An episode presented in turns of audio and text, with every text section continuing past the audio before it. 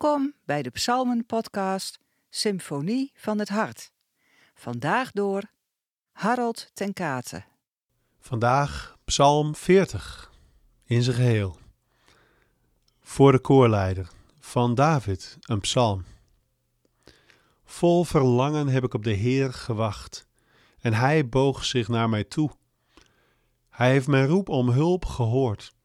Hij trok mij uit de kuil van het graf uit de modder, uit het slijk. Hij zette mij neer op een rots, een vaste grond onder mijn voeten. Hij gaf mij een nieuw lied in de mond, een lofzang voor onze God. Mogen velen het zien, vol ontzag en vertrouwen op de Heer. Gelukkig de mens die vertrouwt op de Heer en zich niet keert tot hoogmoedigen, tot hen die verstrikt zijn in leugens. Veel wonderen hebt u verricht veel goeds voor ons besloten, Heer mijn God. Niemand is te vergelijken met U.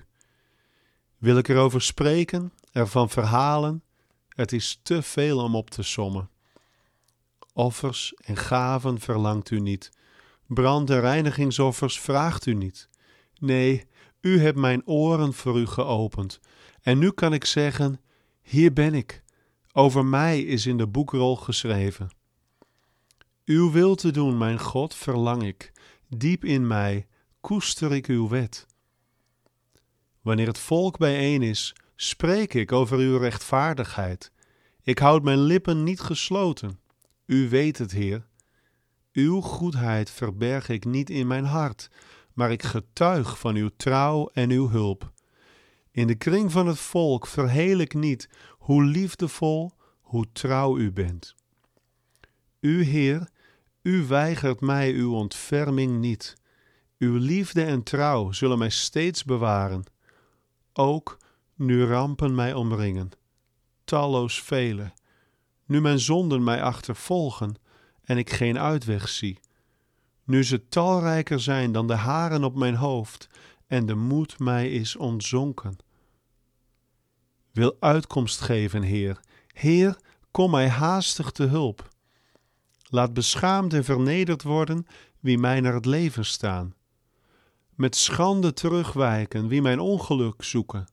Van schaamte verstommen wie de spot met mij drijven. Wie bij u hun geluk zoeken, zullen lachen en vrolijk zijn. Wie van u hun redding verwachten, zullen steeds weer zeggen: Groot is de Heer. Ik ben arm en zwak Heer, denk aan mij.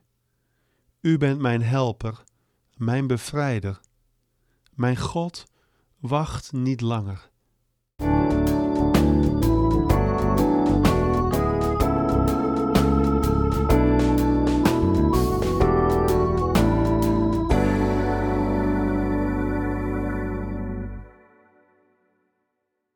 In het verleden behaalde resultaten bieden geen garantie voor de toekomst, luidt een veelgehoorde disclaimer aan het eind van reclamespotjes over geld beleggen.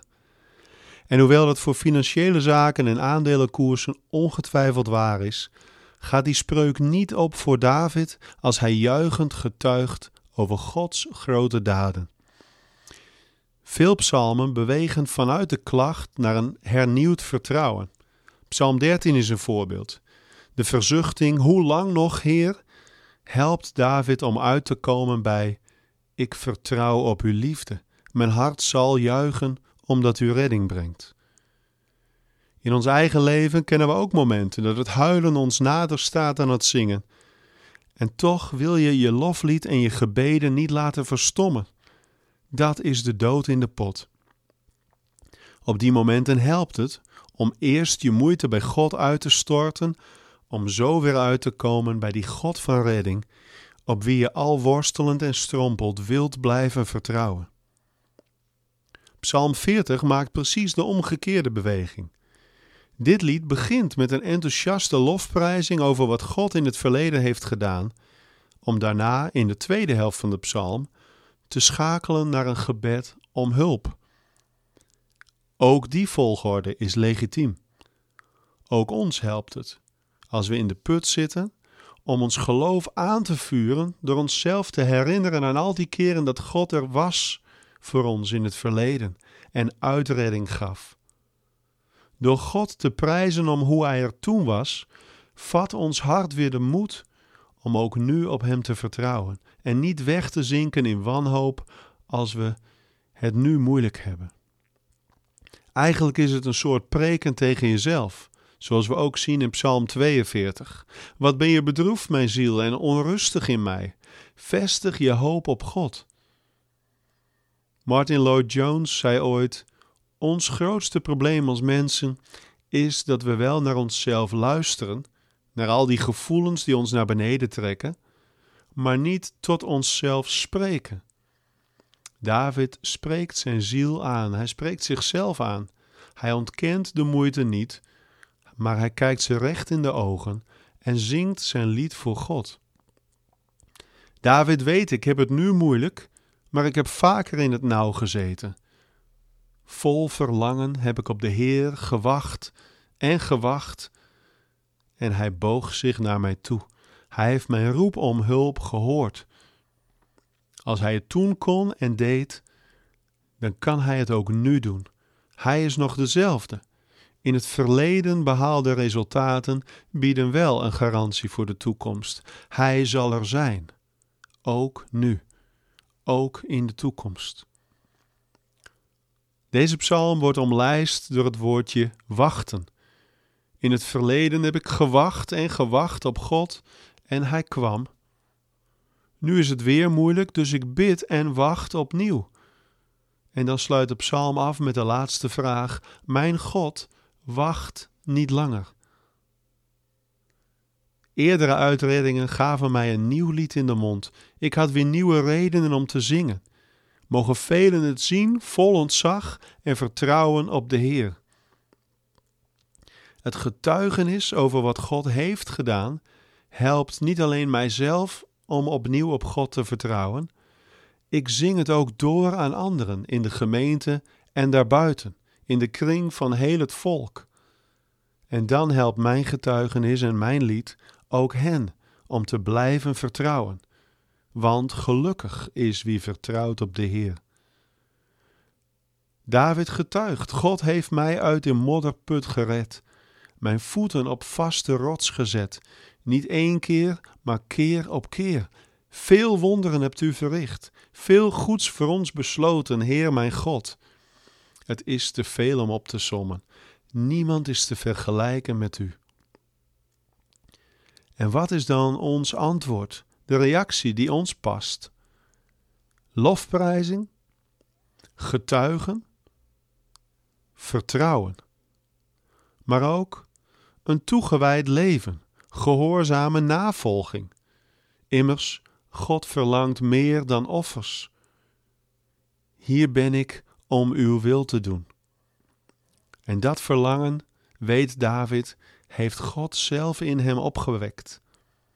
U hebt mijn oren voor u geopend, zegt David in vers 8 en 9. En nu kan ik zeggen: Hier ben ik. Over mij is in de boekrol geschreven. Uw wil te doen, mijn God, verlang ik. Diep in mij koester ik uw wet, uw Torah. Wat in die boekrol staat, gaat over mij.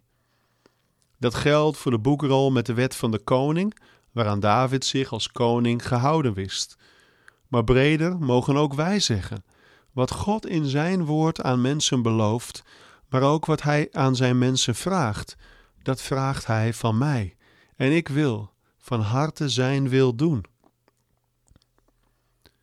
In Hebreeën 10, de versen 5 tot en met 7, wordt dit gedeelte uit Psalm 40 aangehaald, daar in de Griekse vertaling. En die heeft in plaats van U hebt mijn oren voor u geopend iets anders. U hebt mij een lichaam bereid. En dit vers wordt toegepast op de eeuwige Zoon van God, die kwam als een mens van vlees en bloed. Het woord is vlees geworden. En in dat lichaam leefde Jezus met geopende oren voor God. Hij laat de toewijding zien die God van ons verlangt. Jezus wist, over mij is in de boekrol geschreven. En zijn offer maakt de brand- en reinigingsoffers voor goed overbodig. Zijn offer is voldoende, eens en altijd. En dat vraagt om een dankbaar antwoord. Paulus schrijft: Met het oog op Gods barmhartigheid stellen wij nu onszelf als levende, heilige en God welgevallige offers in zijn dienst. Gehoorzame navolging. Zijn gehoorzaamheid maakt onze gehoorzaamheid immers niet overbodig, maar juist mogelijk. De geest die op hem rustte, woont nu in een ieder die hem in geloof wil navolgen. Ook wij mogen dan Gods wet, Gods woord diep binnen in ons koesteren. Ook wij mogen beseffen dat woord geldt ook voor mij. Dus neem vandaag uit deze psalm een diep radicaal gebed mee om vandaag en regelmatig opnieuw te bidden. Hier ben ik. Over mij is in de boekrol geschreven. Uw wil te doen, mijn God, verlang ik. Diep in mij koester ik uw wet.